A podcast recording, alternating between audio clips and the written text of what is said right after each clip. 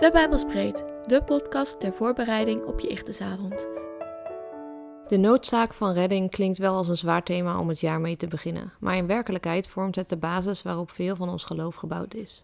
Hoeveel je ook weet van het geloof, of hoe goed je God ook zou kennen, als je niet inziet waarom de redding nodig is, sla je volledig de plank mis. De kern van het christendom is Jezus Christus, en met dit thema gaan we bekijken waarom die Christus nou zo nodig was. Volgende week gaan we met Kring kijken naar wat de redding nu precies inhoudt, maar voor nu focussen we op waarom redding überhaupt nodig is. Toen de mens geschapen was door God, was alles goed. De mens had een directe band met God. God wandelde met de mens in het paradijs. Dit houdt in dat God echt een relatie had met Adam en Eva. Dat is waar de mens voor is gemaakt, om in relatie met God te staan. Helaas kozen Adam en Eva ervoor om naar de duivel te luisteren in plaats van naar God. En aten ze van de boom waarvan God had gezegd dat dit niet mocht. Wij mensen zijn gemaakt om een relatie te hebben met God. Een relatie is iets wat van twee kanten komt. Het is belangrijk om te kijken naar beide kanten van deze relatie. In de Bijbel kunnen we lezen over mensen die ijverig op zoek zijn naar God en echt een relatie proberen op te bouwen. Psalm 63, vers 1 en 2. Een psalm van David toen hij in de woestijn van Juda was. O God, u bent mijn God. Ik zoek u vroeg in de morgen, mijn ziel dorst naar u. Mijn lichaam verlangt naar u in een land door en dorstig zonder water. En dit is ook zichtbaar in Psalm 73, vers 25, waarin Asaf zegt: Wie heb ik behalve u in de hemel? Naast u vind ik nergens vreugde in op de aarde. Deze psalmen laten zien hoe David en Asaf niet zonder God kunnen in hun leven. Aan de andere kant van deze relatie staat God. God heeft het beste met ons voor en is daarom ook een liefdevolle God, maar God is ook een rechtvaardige God. Dit zie je in Deuteronomium 32, vers 3 en 4, waarin staat: Want ik zal de naam van de Heere uitroepen, geef grootheid aan onze God. Hij is de rots, wiens werk volmaakt is, want al zijn wegen zijn een en al recht. God is waarheid en geen onrecht, rechtvaardig en waarachtig is Hij. Gods rechtvaardigheid is voor sommige mensen best beangstigend. Soms is je Godsbeeld in plaats van rechtvaardig, boos, oordelend of toornig. Maar een rechtvaardige God is eigenlijk vooral iets heel moois. God is het morele kompas van het universum. Zonder God zouden we niet eens problemen hebben met alle zonden die wij doen, maar alleen met alles wat ons wordt aangedaan. Zonder God zou rechtvaardigheid enorm krom en bevooroordelend zijn. Als iedereen zijn eigen weg zou gaan, zou heel de wereld er waarschijnlijk een stuk egoïstischer uitzien. Gods rechtvaardigheid is niet bevooroordelend, maar terecht. In deze rechtvaardigheid, samen met zijn liefdevolle houding, probeert God altijd het beste voor ons te doen. Hoe geweldig gaaf zou het zijn om samen met Hem een relatie te hebben.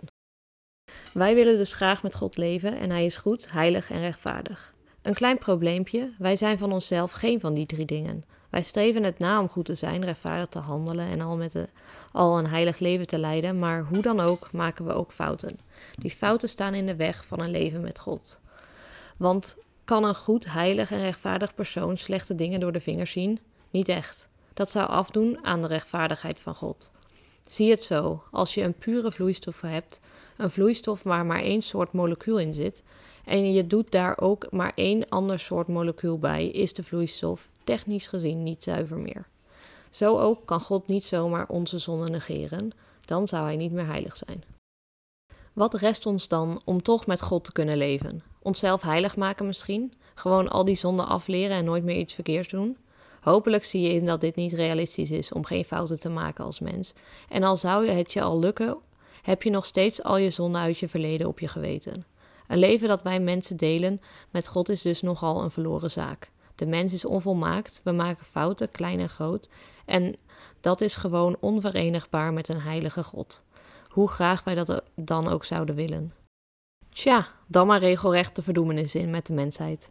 Ondanks dat ze het zo proberen, kunnen ze zich gewoon niet aan de regels houden. Beetje jammer, maar er zit niets anders op.